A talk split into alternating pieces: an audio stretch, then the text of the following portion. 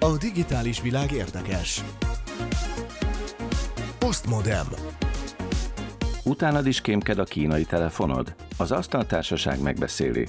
Aztán tudósítás Erdélyből a csángó szakembereknek tartott internetbiztonsági képzésről.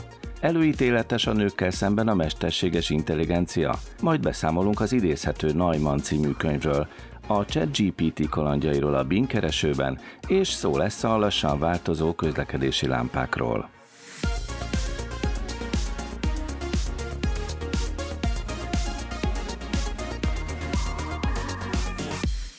Kellemes rádiózást kívánok a szerkesztő Kovács Tücsi Mihály nevében, a mikrofonnál Szilágyi Árpád. Ma az Asztaltársaságban Szlahotka Gödi Orsi, a digitális kommunikációs szakértő. Szia Orsi! Hello, hello, üdvözlök minden kedves hallgatót! Justin Viktor tudományos újságíró, az Agroinform munkatársa. Üdvözlök minden ChatGPT felhasználót! Keleti Artur, kiberbiztonsági szakember, az Informatikai Biztonság Napja alapítója. Megfigyelésmentes perceket kívánok mindenkinek! És Kovács Tücsi Mihály Szifíró, a Galaktika magazin tudományos rovatvezetője. Afrikában Yoruba nyelvű hallgatóinknak Adidun Vakati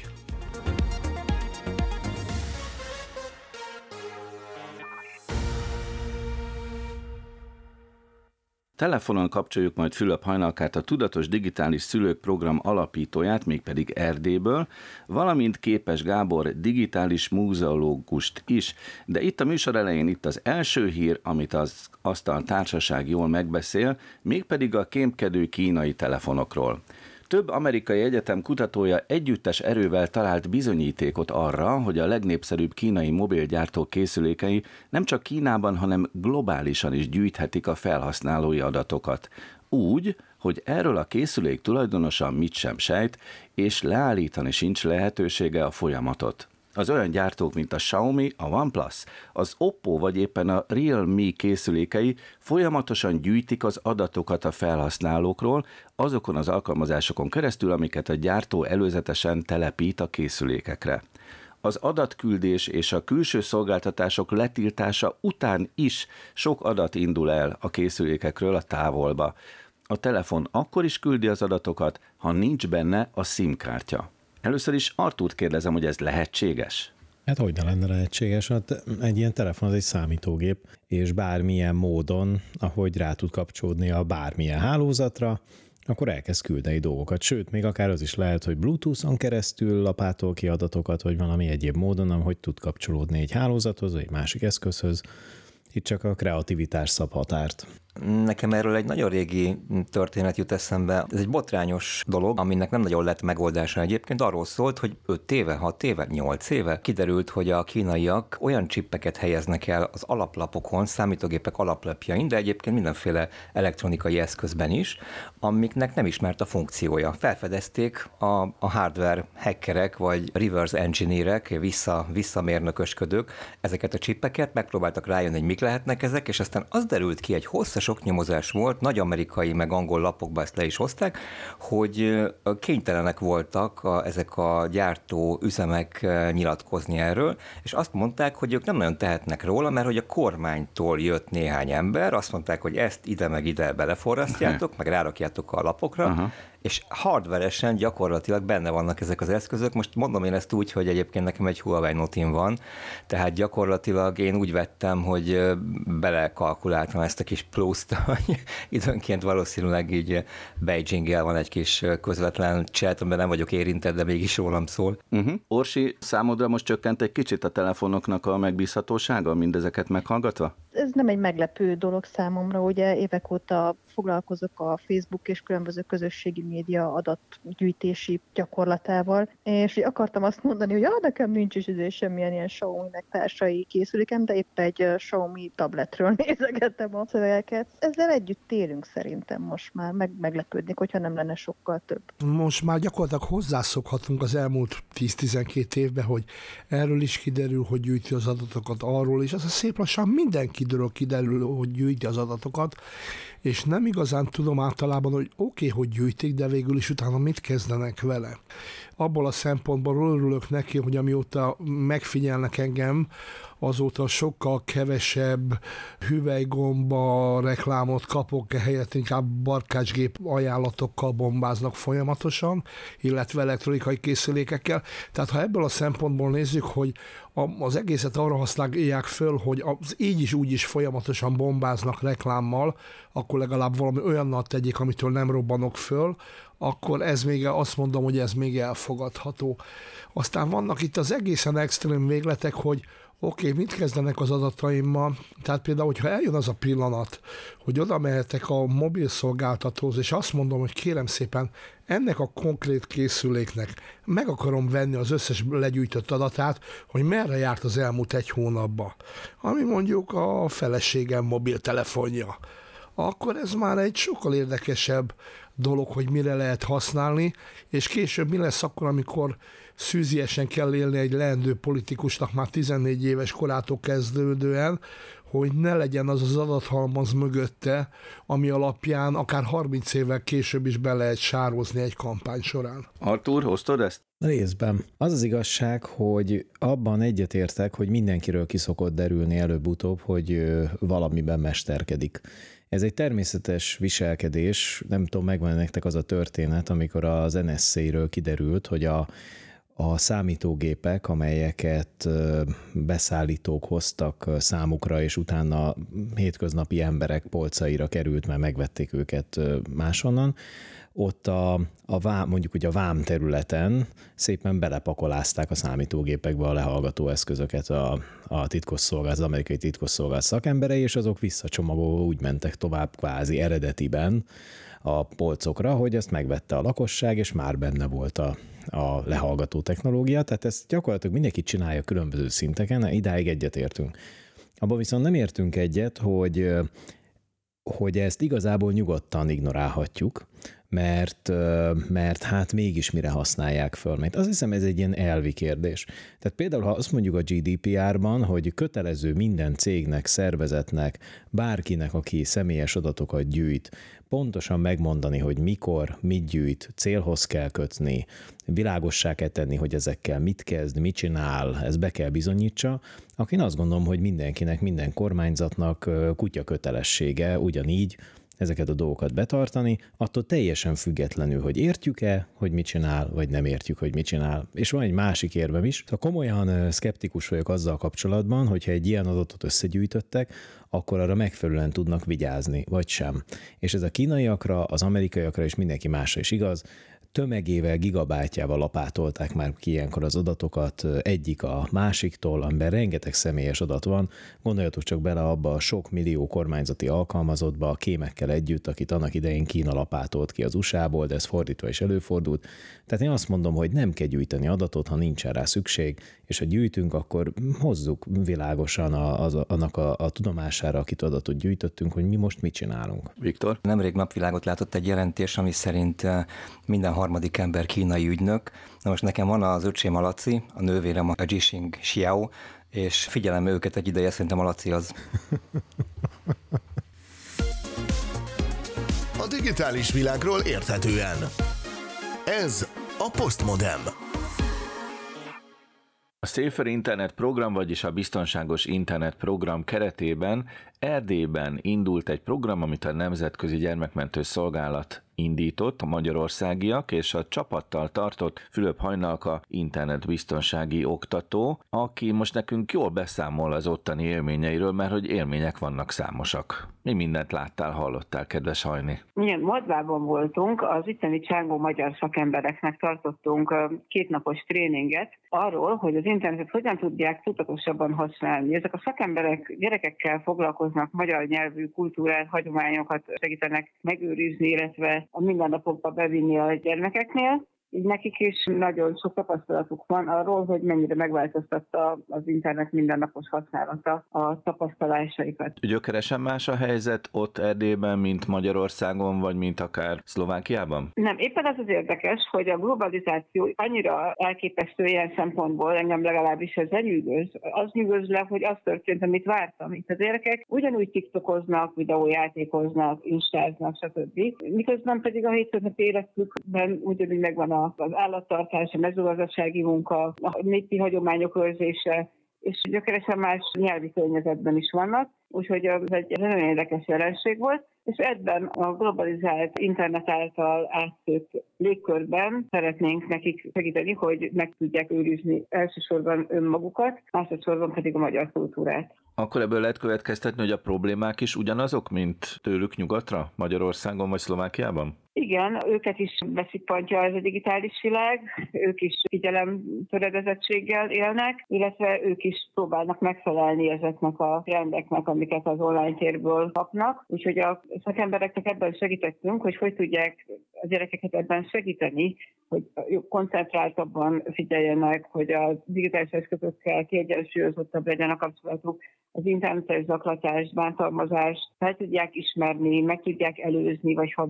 már megtörtént, tudják kezelni. Egy másik kolléganom az indulatkezelési zavarokról segített megoldást találni. Beszéltünk külön a Legyél az Internet ÁSZA programról, ami egy nagyon jó felépített program, ennek a eszköztárát adtuk át az itt jelenlévőknek. Mondd már el, mi ez az Internet ÁSZA program? Legyél az Internet ÁSZA című program, Be Internet évszám, ez a Google-val közös programunk, amit magyar nyelven a Nemzetközi Gyermekmutató Szolgálat koordinálásában terjesztünk. Iskolákban veszünk részt oktatásokban, szülőknek, gyerekeknek és pedagógusoknak, szakembereknek. Ez egy öt elemből álló program, különböző aspektusból járja körbe az adatvédelmet, a jelszóhasználatot, az internetes bántalmazást, illetve az, hogy tudjunk segítséget kérni, vagy a gyerekek tudjanak segítséget kérni az internetes veszélyek során. Ehhez van egy videójáték, az Interland, ehhez vannak a rengeteg letölthető anyag, színező, szülői kézikönyv, és pedagógusan szóló teljes kurikulum,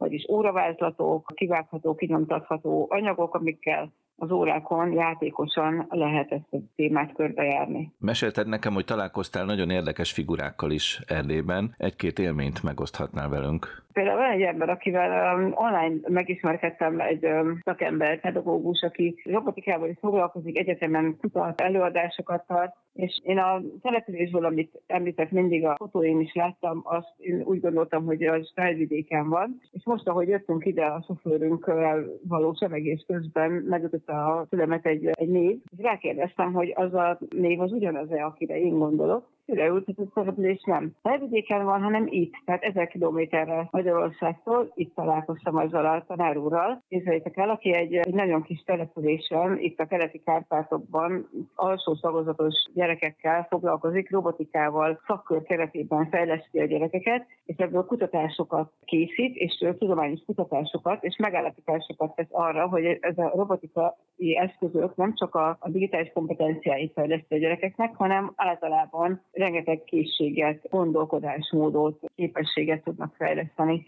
És egész fantasztikus élmény volt találkozni egy ilyen különleges szakemberrel, és, és persze minden más résztvevő is, minden más szervező is nagyon különleges volt. Ilyenkor egy tréningen mindig legalább annyival gazdagabbak leszünk mi trénerek, mint azok, akiket tanítunk, mert kölcsönös tudás áramlás játszódik le ilyenkor. Egyébként főleg szülőkkel, vagy inkább a diákokkal találkoztatok? Kikkel volt közvetlen kapcsolatotok? Itt most szakemberek voltak, körülbelül ugye a 20-as éveiktől kezdődően egész 60 pluszos kedves részvevők is voltak. Lélekben mindenki nagyon fiatal volt és lelkes és elhivatott. Tehát ők olyan szakemberek, akik gyerekekkel foglalkoznak, hogy ők a magyar kultúrát, a magyar nyelvet és a ehhez tartozó készségeket, kulturális elemeket meg tudják őrizni. Tehát táncot oktatnak neki, zenélnek, faragnak, különböző dolgokat csinálnak. Egyik szünetben például egy 20 éveig bejáró fiatalember egyszer csak a barátaival előkapott egy furuját, és játszottak egy kis zenét, és mókát, egy népdalokat furujáztak. Azt mondom, mondta, mondta, hogy fönt vannak a YouTube-on, van egy csatornájuk, és a, a kis zenekaruk ott tolja a számokat. Tehát egészen elképesztő, hogy az ezer éves múlt és a 21. század itt most egy pontban találkozik. Nekem ez egy fantasztikus élmény volt.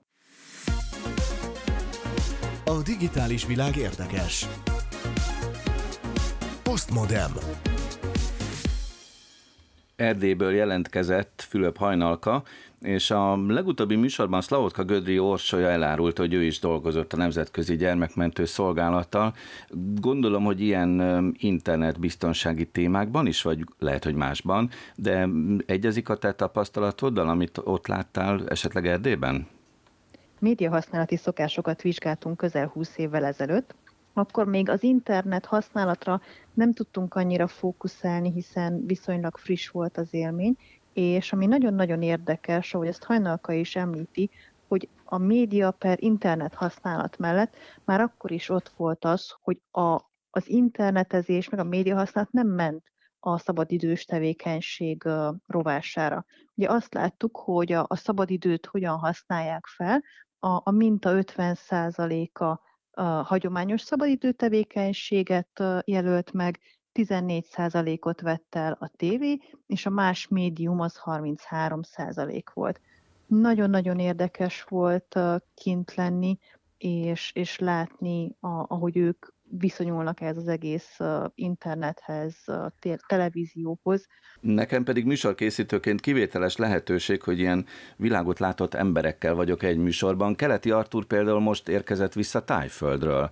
Az előbb hajnalka azt mondta, hogy gyakorlatilag nagyon hasonló problémák tapasztalhatók Erdélyben is, mint Magyarországon. Te ott bankokban, Tájföldön mit látsz? Ott is ugyanilyen problémák vannak a gyerekek számára?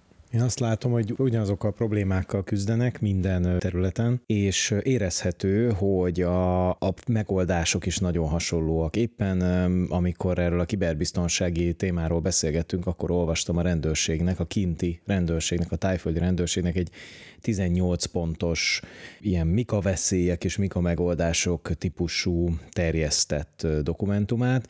Lefordítottam tájról, tudjátok, ilyen Stargate karakterekkel volt minden írva, úgyhogy ezért egy kis kihívás volt.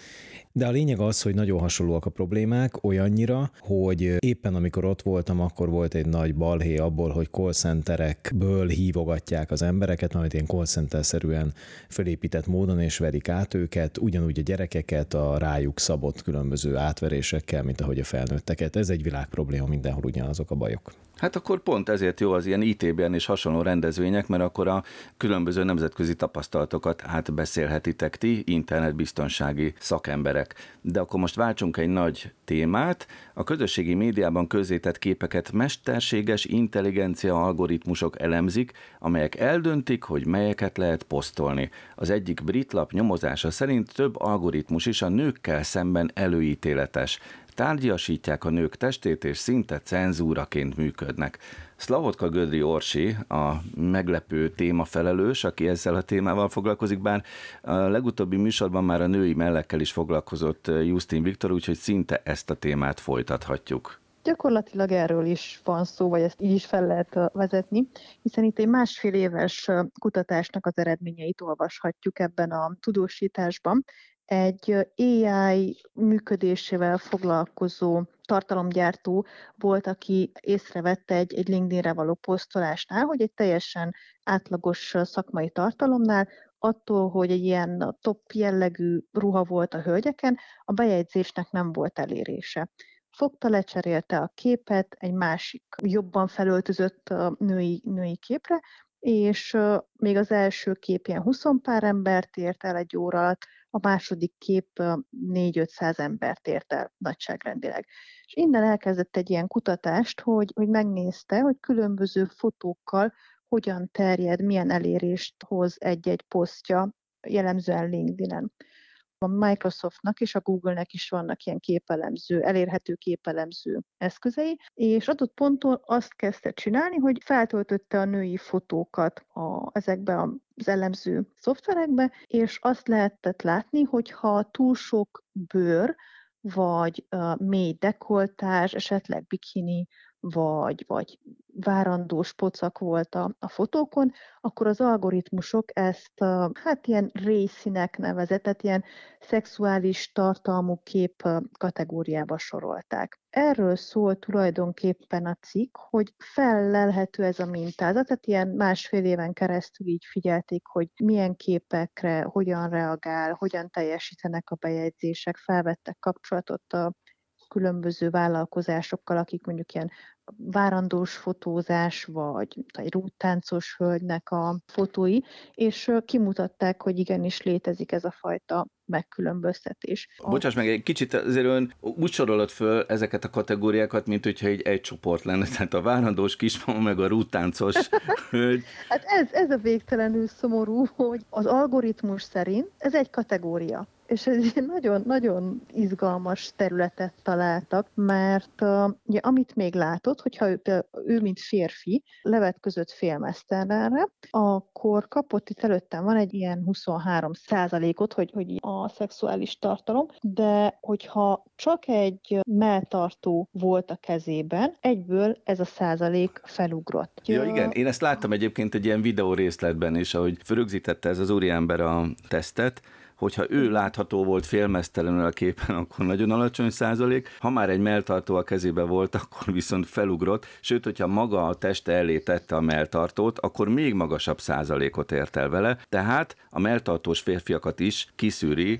ez az algoritmus, ugye? Tehát gyakorlatilag itt, amit, amit mutat így a fotókban, hogy például férfiak ilyen úszós sortba 14 százalék, nők ugyanúgy fürdőruhába 96 százalékos szexuális tartalom fokot kapnak. Jó, most én hadd szúrjam be megint csak ide, hogy a legutóbb, amikor Viktor erről beszélt a női melbimbó kapcsán, akkor ő mondta, hogy ő nagyon komolyan feminista álláspontot képvisel, és szabadítsuk fel a melleket az interneten. Na de azért van ennek egy másik oldala is, nem? Tehát, hogy az valószínűleg nem véletlen, hogy éppen a mondjuk a félmeztelen hölgyeket nagyon sokan sokan keresik a neten, a félmeztelen férfiakat meg valószínűleg nem keresik. Tehát, hogy biztos van ennek valami oka is, nem?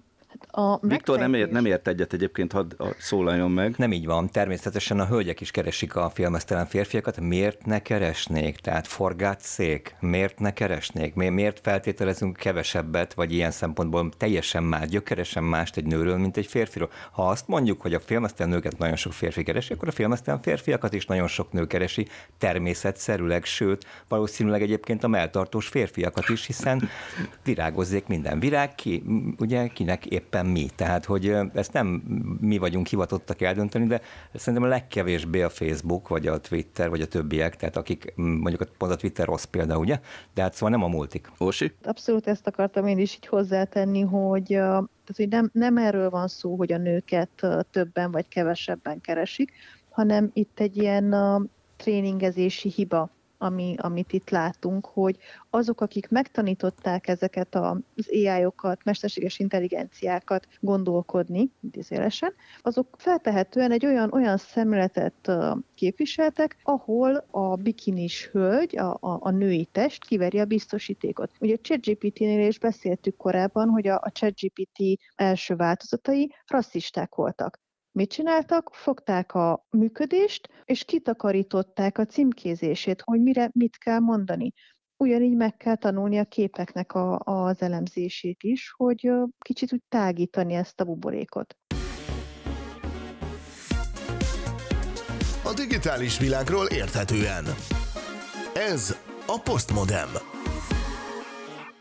Margitai Neumann János, akit a világ John von Neumannnak ismert, született Neumann János Lajos, Budapesten, Lipótvárosban 1903. december 28-án, vagyis idén lesz 120 éve, hogy megszületett Neumann János. Idéztem ezt a szöveget a Wikipédiából, és nem véletlen, hogy idéztem, hiszen egy könyv jelenik meg az idézhető Neumann János címmel, ennek a jubileumi évnek a tiszteletére a Neumann 120 évben. Itt van velünk a vonalban Képes Gábor, digitális múzeológus. Szia, Leo! Köszöntöm a kedves hallgatókat, szia, RP!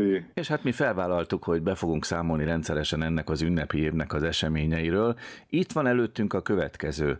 Mi az a Meetup sorozat? Ezt a Meetup sorozatot ezt először még a kényszer szülte a pandémia idején, hogy elkezdtünk online találkozókat szervezni a Neumann Társaság berkeiben, mert egyébként nekünk rengeteg jelenléti találkozónk is van, de úgy látjuk, hogy van létjogosultsága, érdemes bizonyos időközönként mondjuk a Zoom-on találkozni, főleg a nagyon sok vidéken élő tagunk, szakosztályunk miatt is, azért ez egy kényelmes forma. Úgyhogy tulajdonképpen egy kicsit ilyen hibrid módon, mert néha azért megtartjuk jelenléti formában is, de megtartottuk ezt a online meetup sorozatot, és hát legközelebb február 23-án 16 órakor lesz egy ilyen tisztán online meetup, ami viszont a Neumann 120 jubileumi évben egy kicsit azért rendhagyóbb lesz, mint az eddigiek. Szerintem Najma János örülne annak, hogyha látná, hogy a digitális világ teszi lehetővé, hogy az ő életművére ilyen módon is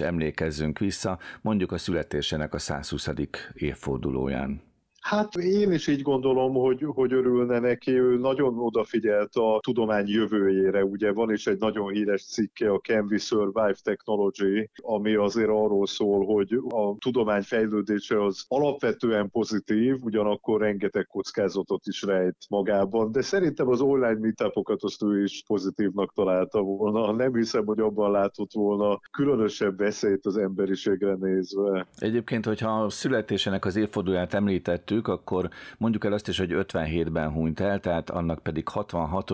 évfordulója van idén, ami azért érdekes, mert hát pont az 50-es években volt az a váltás, amiről legutóbb beszélgettünk veled, ugye amikor a tranzisztorok leváltották a elektroncsöves számítógépeket, tehát az őrületes nagy robbanás ezután következett be, hogy Neumann János itt hagyta ezt az árnyék világot, és mégis nagyon-nagyon fontos az az életmű, amit itt hagyott ránk. Ezért is a nagy fontos kérdés ebben a meetupban is, hogy miért fontos a tudománytörténettel foglalkozni, és azon belül Naima János életművével.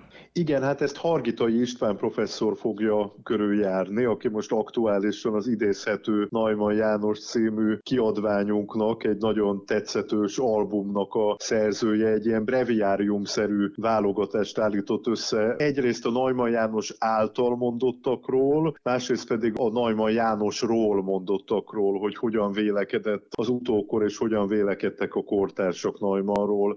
De hát Hargitai professzor úr általában a marslakóknak nevezett magyar származású tudósokról írt számos könyvet, különböző sétákat tett Washingtontól Moszkváig, nagyon különleges helyeken, a, a tudomány központjaiban, centrumaiban. Tehát én azt gondolom, hogy ő egy hiteles személyiség, aki valóban meg tudja ragadni azt, hogy azon túl, hogy Naima Jánosról mindig elmondjuk, hogy ő a számítógép atya, azon túl mik azok az előítéletek, és mik azok a nagyon is igaz legendák, amelyek miatt érdemes rá odafigyelni. Hát, hogy más nem mondjak a játék elmélettől a kvantummechanikáig, vagy a numerikus meteorológiáig egy sor témában ő hihetetlen matematikai háttértudással fontos új gyakorlati tudományokat alapozott meg. Tehát amit te mondasz, hogy a 50-es évektől robbant be egy sor tudomány, hát az azért van, mert ő és a kortársai elkezdték ezeket a témákat. Akkor alapozták meg, ugye? Tehát a századnak az első felében volt az igen komoly alapozás, amikor még nagyon komoly tudósnak kellett lenni ahhoz, hogy belelássák a mai gyakorlatias digitális világot abba. Hát azért elég nehézkes és hatalmas méreteket, meg lassúságot hozó elektroncsöves számítógépekkel. Márpedig ők ilyen gépek között éltek ott Princetonban, Amerikában, és hát még egy csomó dolog azért elméleti síkon zajlott. Tehát tényleg egy nagyon komoly fejben történő gondolkodás kellett ahhoz, hogy lássák ezt a jövőt, amiben mi már benne vagyunk. Hát ez Najman Jánosnak ment részben a fejszámolás is, mert híres fejszámoló művész volt, részben a nagy elektroncsöves monstrumoknak a hatékonyátétele is, hiszen ő azért kapcsolódott be a számítógépek konstruálásába, vagy azért alkotta meg az architektúrát, a Neumann elveket, hogy ezek hatékonyabbak legyenek, és egyébként a programozásban is, mert ott az ő fő szellemi partnere az a második felesége Dán Klára volt, aki többek között a Monte Carlo módszer kapcsán kapcsán, illetve a numerikus meteorológia kapcsán is írt programokat, és hát a Neumann János tovább is gondolta a dolgokat, csak sajnos ő elég fiatalon halt meg az 50-es éveiben, úgyhogy sok előadása egy kicsit befejezetlen maradt, de ő elkezdte az emberi agyat a számítógéppel összehasonlítani, és elkezdett a logikai automaták egy általánosabb elméletén is dolgozni. Tehát biztos vagyok benne, hogy ő neki még rengeteg ötlete lett volna, és ezeket a Neumanni ötleteket mi a neumann120.hu oldalon egyébként gyűjtjük is, ott csináltunk egy kaleidoszkóp rovatot, ami igyekszik a magas sokszínűségében bemutatni Neumann-t, és hát most február 23-án pedig szerintem egy nagyon hiteles embert hallhatunk a Hargitai István professzor urat a Neumann tükörben című meetupon, mert ő beszélt számos kortársal és számos gyakorlatilag Neumann tanítványnak is nevezhető tudóssal személyesen. Hogyan lehet csatlakozni ehhez a Zoom beszélgetéshez? Én azt javaslom, hogy az nist.hu-n, tehát a Neumann Társaság honlapján regisztráljon, aki érdeklődik, és teljesen ingyenesen mindenkit szeretettel várunk. Postmodem. Az elmúlt hetekben nagyon sokat foglalkoztunk a chat GPT-vel, és most Justin Viktor is a sajátjának érzi a témát, mégpedig azzal az aktualitással kapcsolatban, hogy a Microsoft is bejelentette, hogy beépíti a Bing keresőbe a chat GPT-t, én több vitát láttam egyébként az interneten, hogy ez most beavatkozás a keresőversenybe, vagy nem fogja változtatni. Szerintem erről is érdemes lesz beszélni.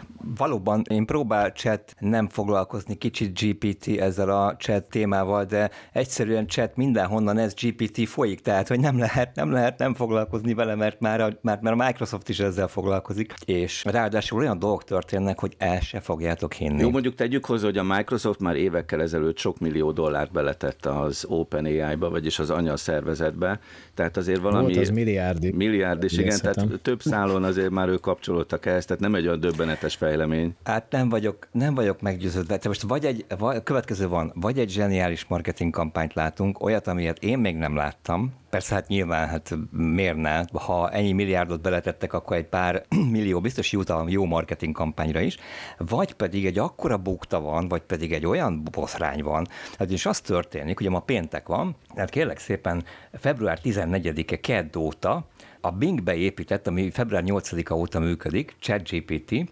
az konkrétan nekiállt sértegetni a saját felhasználóit, hazudik nekik, és úgy tűnik, hogy, hogy arról meditál, hogy egyáltalán is azon szenved, hogy ő miért létezik.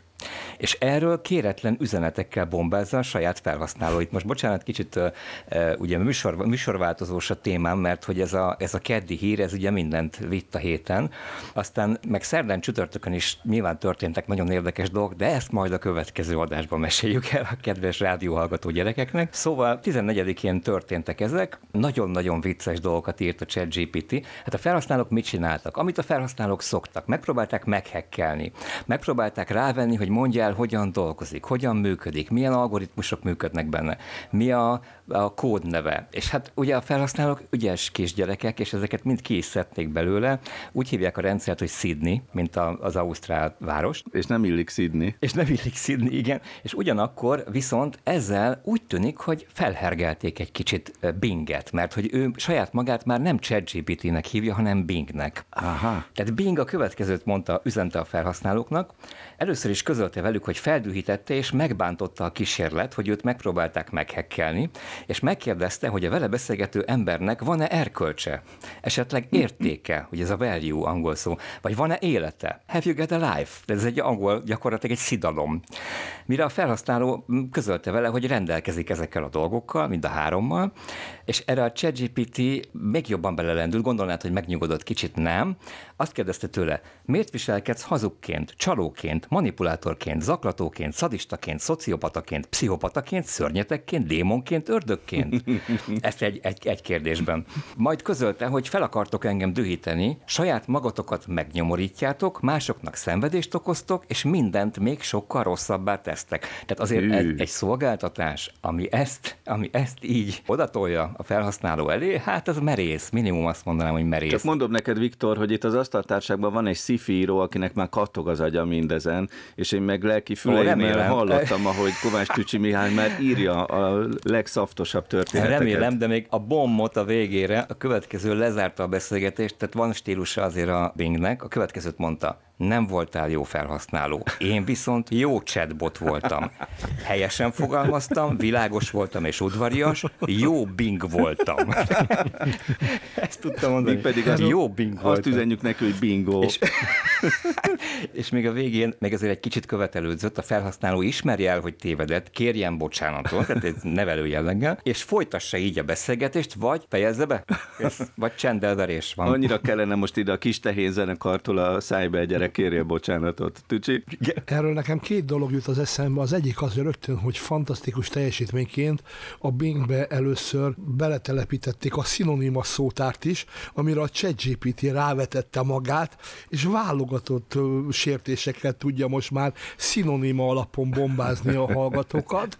A másik, ami eszembe jutott a Bingről, hogy a ifjúkorom egyik nagy kedvenc karaktere volt Mr. Bing, a jó barátokból, aki hasonlóan neolitikusan tudott viselkedni annak idején a sorozatban, úgyhogy lehet, hogy onnan vette az ötleteket. Artur? Lehet, hogy egy kicsit hűteném a hangulatot olyan szempontból, hogy folyamatosan próbálok magyarázatot találni erre az egész jelenségre, és azt tudom, hogy Viktor ebben nem értünk egyet, de nekem még továbbra is az a véleményem, hogy ez az egész ChatGPT őrület, ez nem volt direkt. Tehát szerintem ez azért volt, mert az OpenAI kirakta, úgy gondolta, hogy ez így jó lesz, beütött a, a dolog, aztán ebből azonnal eszkalálódott az egyébként már létező területre, hogy milyen lesz a keresés jövője, és hogy meg kéne reformálni, mert érezhető azért mindannyiunkon, hogy amikor beírunk a Google-be egy keresést, akkor vagy háromszor újra kell írni, és ezt a statisztikák is kimutatják, hogy bizony az első keresések nem szoktak általában olyan sikeresek lenni, mint kellene.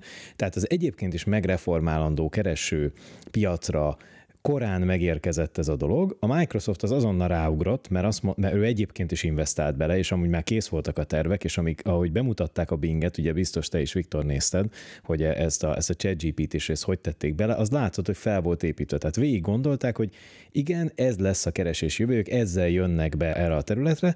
A Google abszolút készületlenül érte a dolog, ebből is látszik, hogy ez, erre nem voltak még felkészülve. Sőt, volt egy mellényúlásuk, ugye, ami 100 milliárd dolláros problémát jelentett a részvényekben ebben a témában. Tehát nekem továbbra is az a véleményem, hogy ez az egész, ebben nagyon sok improvizáció van, és számomra teljesen világos, hogyha valahova beraknak egy nyelvi modellt ma így csetelni, annak valami ilyesmi lesz a vége. Tehát egyszerűen ezek a modellek ma még nem elég kiforrottak ahhoz, hogy ilyen jellegű emberi beszélgetéseket folytassanak, noha időnként annyira eltalálják a, a témát, hogy az ember már megdöbben rajta, és elkezdi felruházni mindenféle képességekkel, máskor pedig az van, amit a Viktor mondott, hogy teljesen elszúrják a szitút, deeszkaláció helyett így fölhúzzák, és képzeljétek el, hogyha egy ilyen rendszert ráraknak egy ügyfélszolgálatra, akkor ott mi lesz? Hát üvöltözés folyamatosan, sértegetni fogják egymást az emberek, meg a robotok órákon keresztül.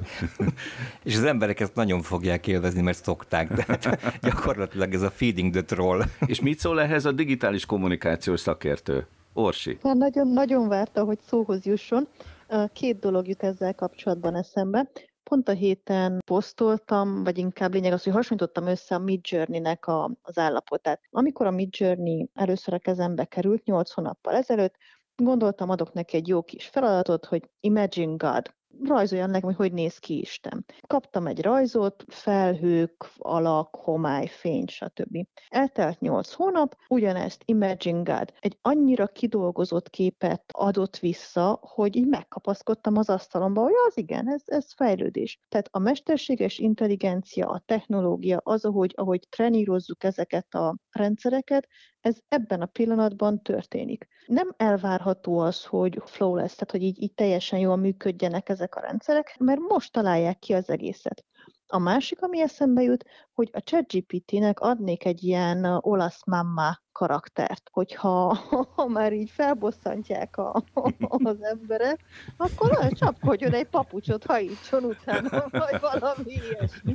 Mert, mert ezt mert, hogy, mert, hogy, hogy, hogy képzeljük el a papucs csapkodást? Hát, Hát így a sértegetésen egy kicsit úgy, úgy uh, finomítanék, hogy viccesebb legyen, mert azt láthatjuk, hogy a felhasználók is nagyon-nagyon furcsán viszonyulnak ezekhez a rendszereket. Tehát túl magas elvárásokkal, teljes egy ilyen illúzió világot kergetnek, miközben meg kell tanulni nekünk is használni ezeket a rendszereket, ahogy nekik is beszélgetni velünk.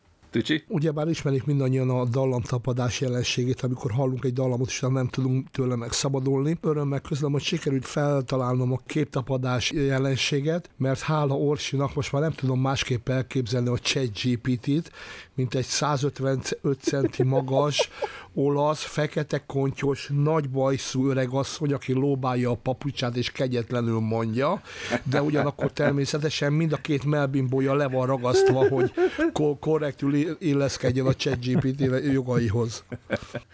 Viktor, mint témagazda?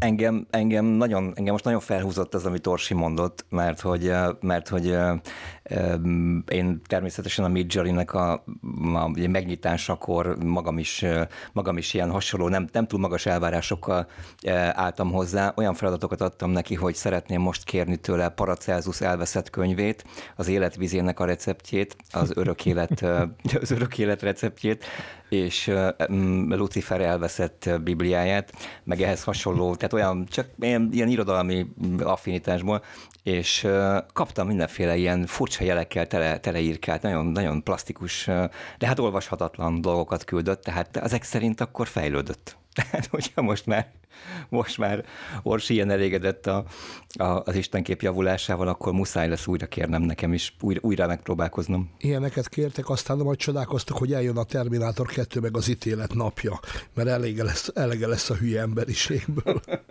De és akkor, Viktor, visszatérve az elejére, tehát mostantól a Bing keresőben elérhető a ChatGPT, vagy most ez egy ilyen beta tesztelős időszakban van?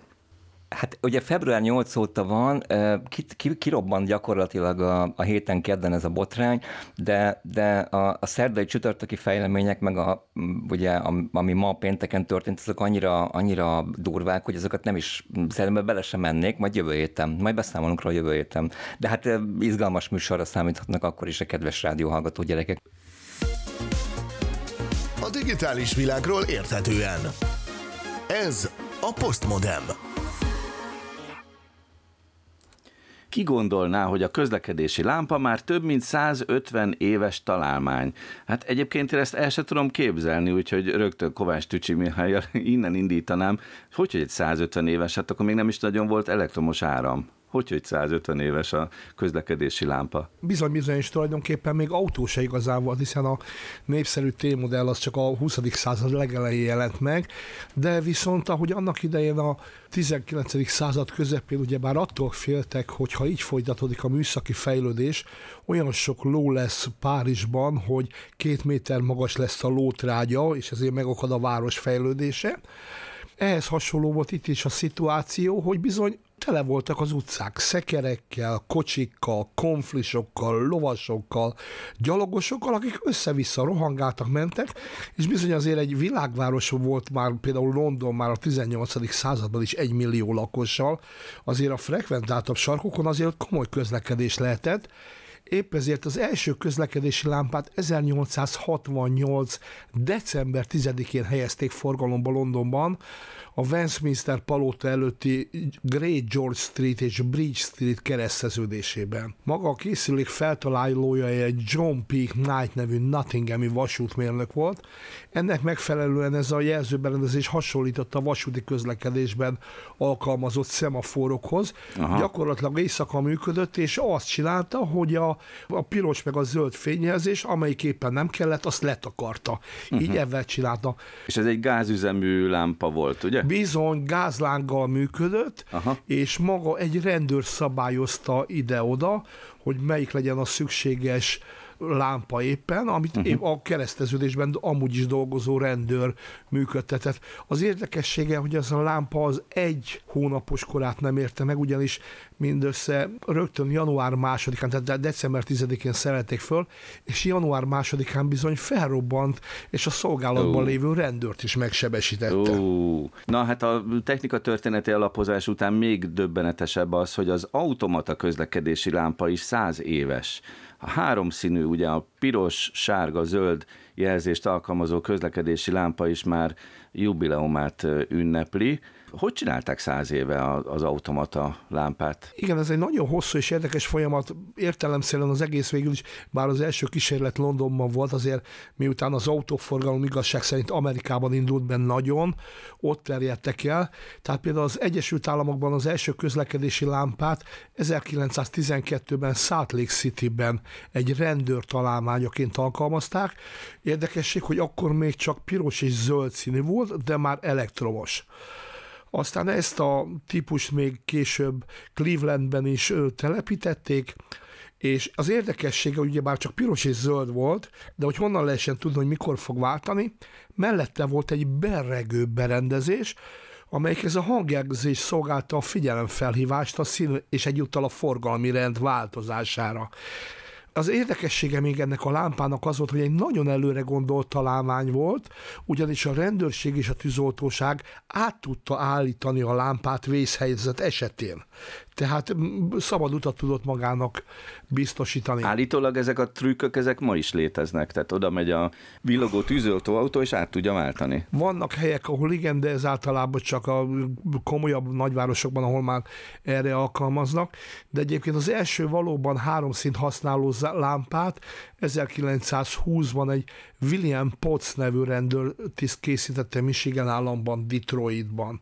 De például az első modern elektromos lámpa 1932-ben kezdett el működni Oklahomában. Az első összekapcsolt közlekedési lámpa hálózat, tehát ahol a lámpák már rendszerbe voltak kapcsolva, az is Salt Lake City-ben készült 1917-ben, hat különböző részegységből állt, és azt is egy ember irányította. De végül is az első teljesen automata készüléket 1922 márciusában Texasban, Houstonban mutatták be. Meglepő. És mindenről azért beszélünk, mert 2023-ban most már fölmerül, hogy tovább változnak ezek a közlekedési lámpák. Egyébként olvastam ilyen véleményeket, hogy majd az automata autók bevezetésével elhagyják a sárga szint, és újra piros meg zöld lesz, mert nincs értelme sárgával előrejelezni a zöldet, hiszen minden autó automata módon működik. Ilyen irányba változik a lámpa? Ez egy nagyon jó kérdés, ez egy hosszú folyamat lesz. Tehát egyrészt az biztos, hogy amíg egyszerre vegyes forgalom lesz, tehát amíg lesz automata és emberi sofőr, addig biztos nem fognak változni a lámpák alapvető funkciói, hiszen az emberre van szabva. Abban az esetben, tehát például, hogyha eljön az az időszak, hogy mondjuk teszem azt London belvárosából egy az egybe, ahogy átérsz a belső város határon, automata módba kötelező váltanod, és onnantól csak automatként lehet dolgozni, nagy valószínűséggel akár az összes lámpát ki lehet iktatni, hiszen maguk az autók közötti egyéb kommunikáció pótolni tudja ezt, és sokkal gyorsabban kommunikálhatnak az autók egymás között.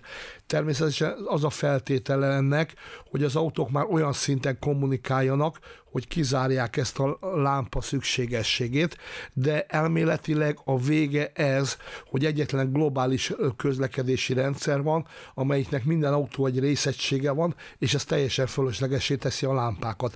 De ez egy nagyon hosszú folyamat. Mondtuk a műsor elején, hogy sok internetbiztonsági témánk van a mai adásra, úgyhogy Artúrtól kérdezem, hogy ez a nagy közlekedési lámpa hálózat, ez egyúttal nem egy kiberbiztonsági kihívás is? Mi van akkor, hogyha a hackerek átveszik a hatalmat a közlekedés irányítása fölött? Ilyeneket láttunk már, én magam is mutattam be különböző előadásokban, tanfolyamokon erről videókat, amikor hackerek átvettek irányítást lámpák fölött, és például különböző hangra érzékenyen equalizer dolgokat varázsoltak belőle, szólt a repzene, és mindenhol lehetett látni, hogy a, a lámpák össze-vissza villognak. Hát persze ez egy viccesebb felhasználása volt, de abból is lehetett volna baj, ha ezt nem az éjszaka közepén csinálják.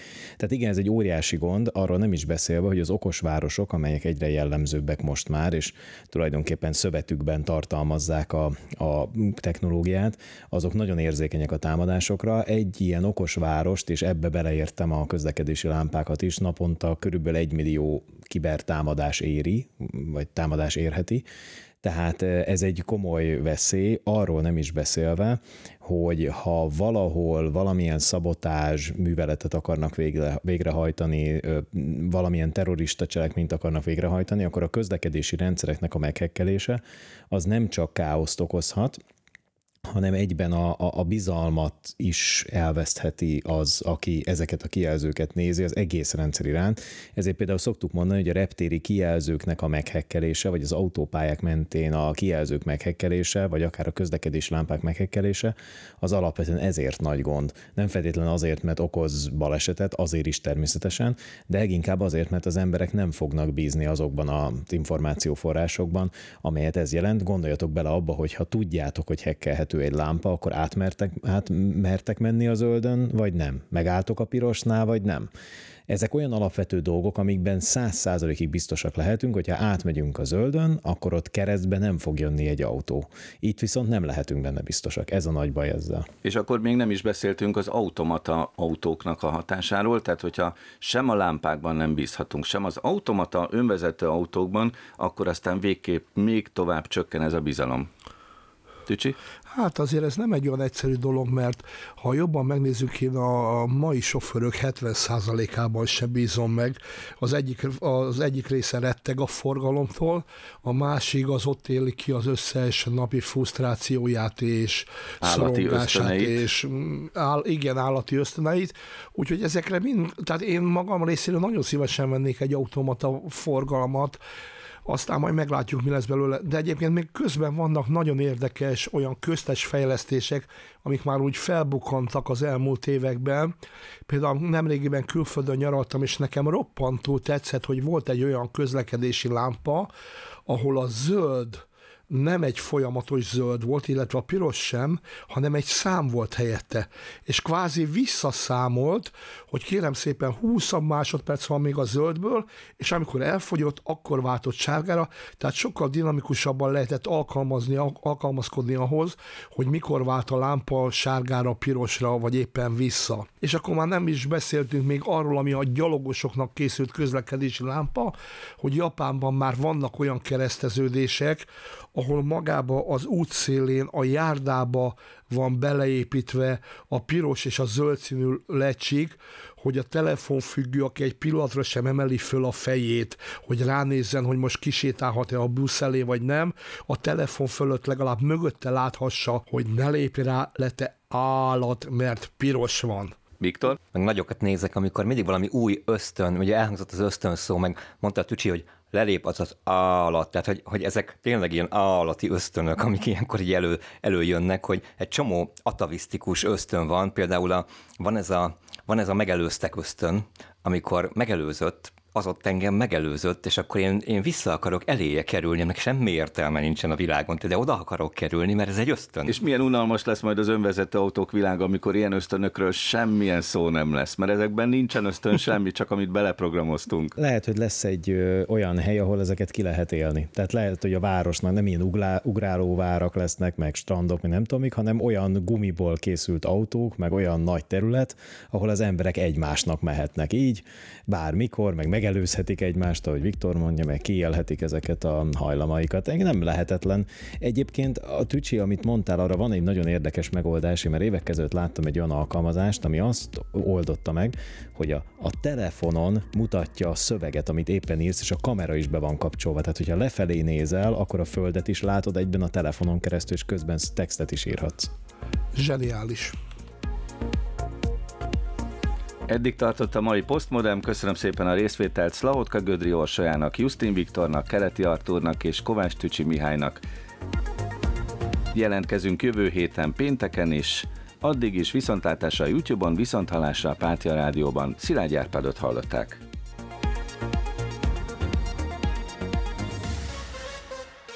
Postmodern.